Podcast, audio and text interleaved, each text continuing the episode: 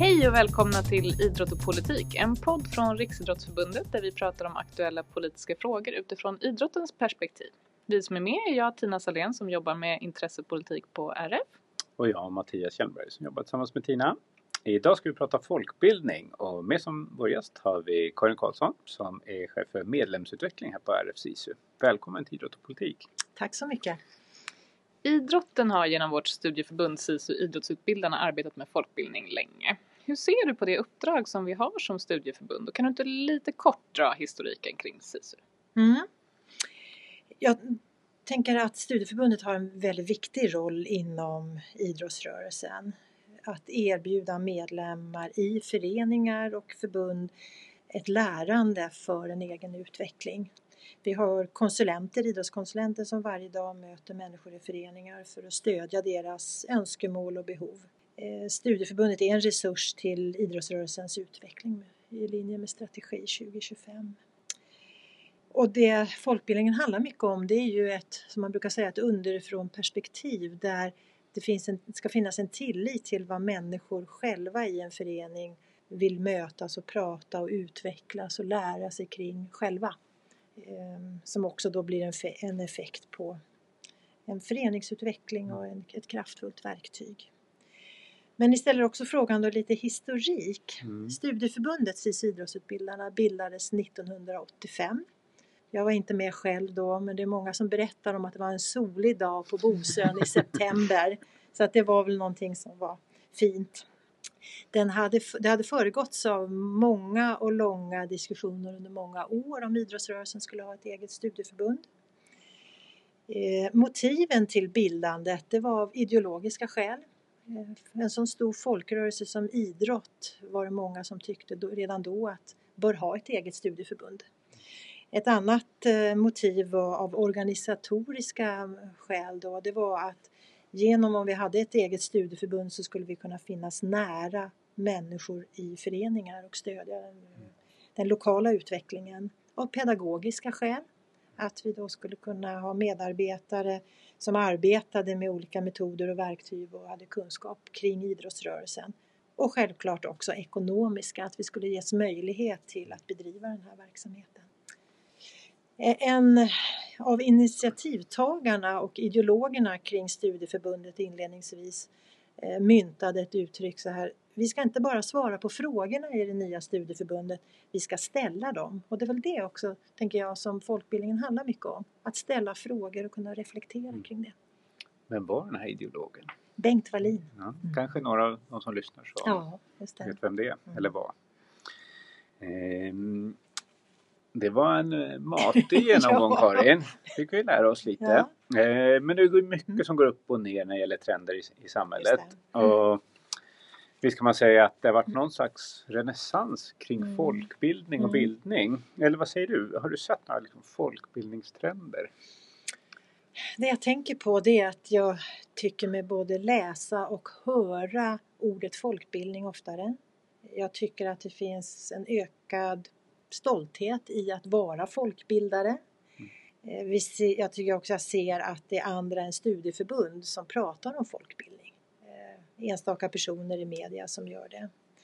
Jag tycker också att jag ser att demokratifrågan kopplas ihop med studieförbund och mm. folkbildning allt kraftigare och hur då folkbildningen både kan lära och gör demokrati men också då att kan vara ett bidrag till att fortsatt vara ett demokratiskt samhälle.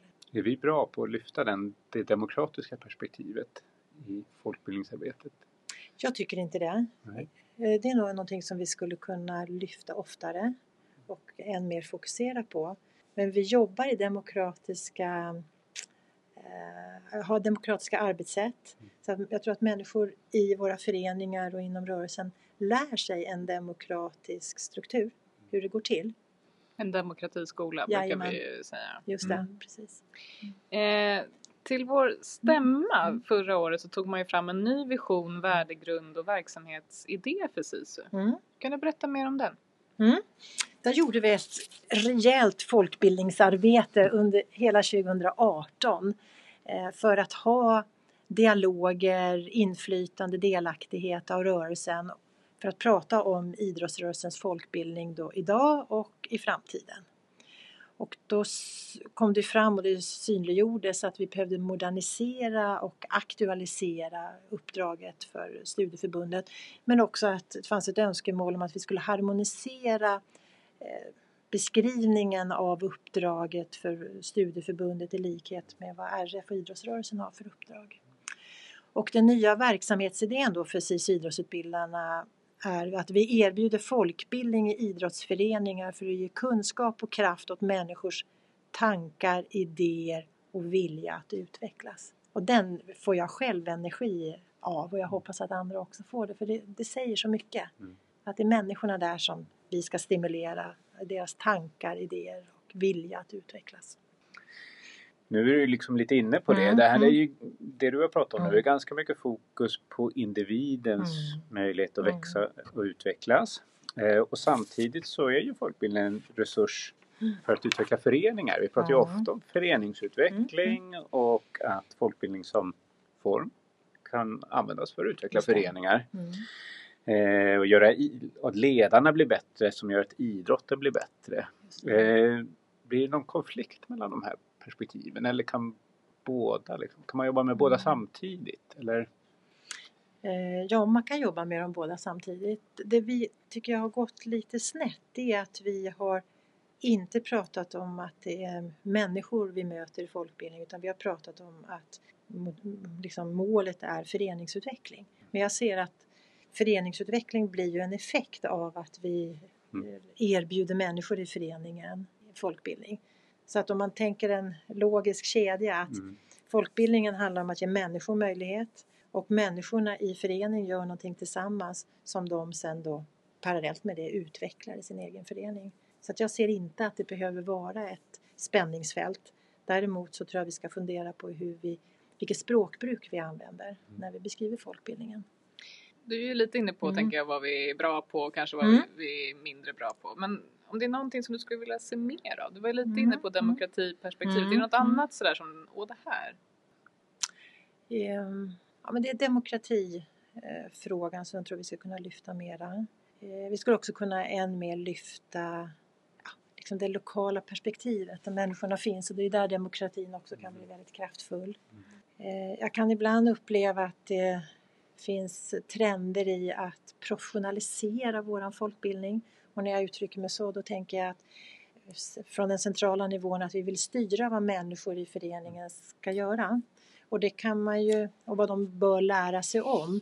Och då tänker jag att det finns ju föreläsningar och utbildningar som en av våra verksamhetsformer. Där finns det ju fastställda kursplaner och utbildare och någon likvärdighet.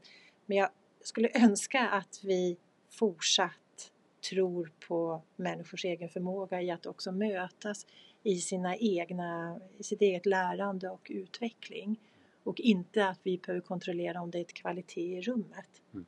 Vi måste tro på att människor skapar den kvaliteten själva. Där tycker jag att det finns en, en viss utmaning.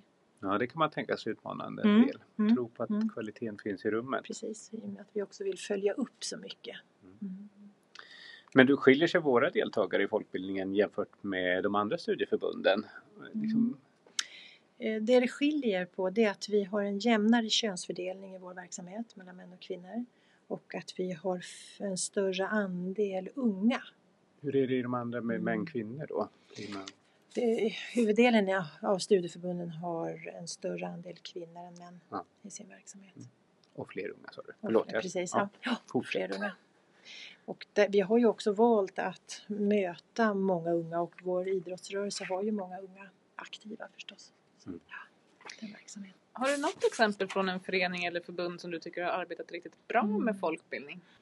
Det finns många förbund som arbetar bra med folkbildning. Jag tänker i de, de processer, de, det lärande, den utveckling som sker dagligdags. Eh, och det är en folkbildning som pågår hela tiden. Men det kanske inte är en folkbildning som genomförs eh, tillsammans med studieförbundet.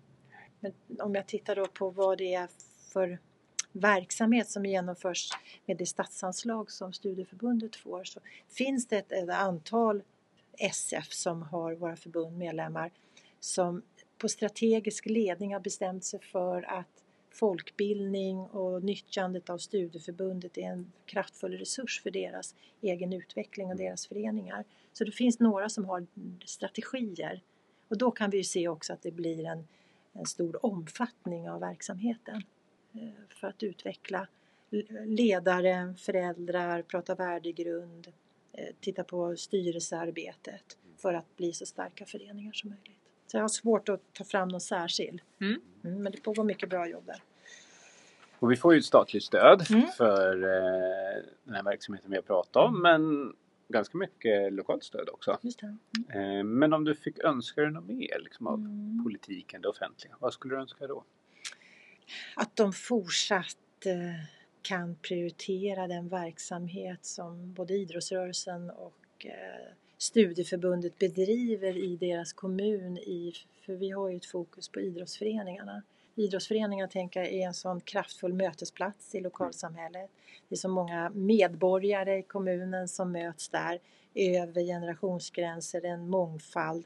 Så att det är en bra plats att investera för politiker för att både skapa den fina mötesplatsen, den fina kommunsammanhållningen eh, och utvecklingen. Det tror jag är väldigt kraftfullt. Så att fortsatt prioritera. Mm. Tack så jättemycket mm. Karin för att du mm. var med. Lyssna gärna på oss i nästa vecka och följ oss på Twitter, rfidrotten.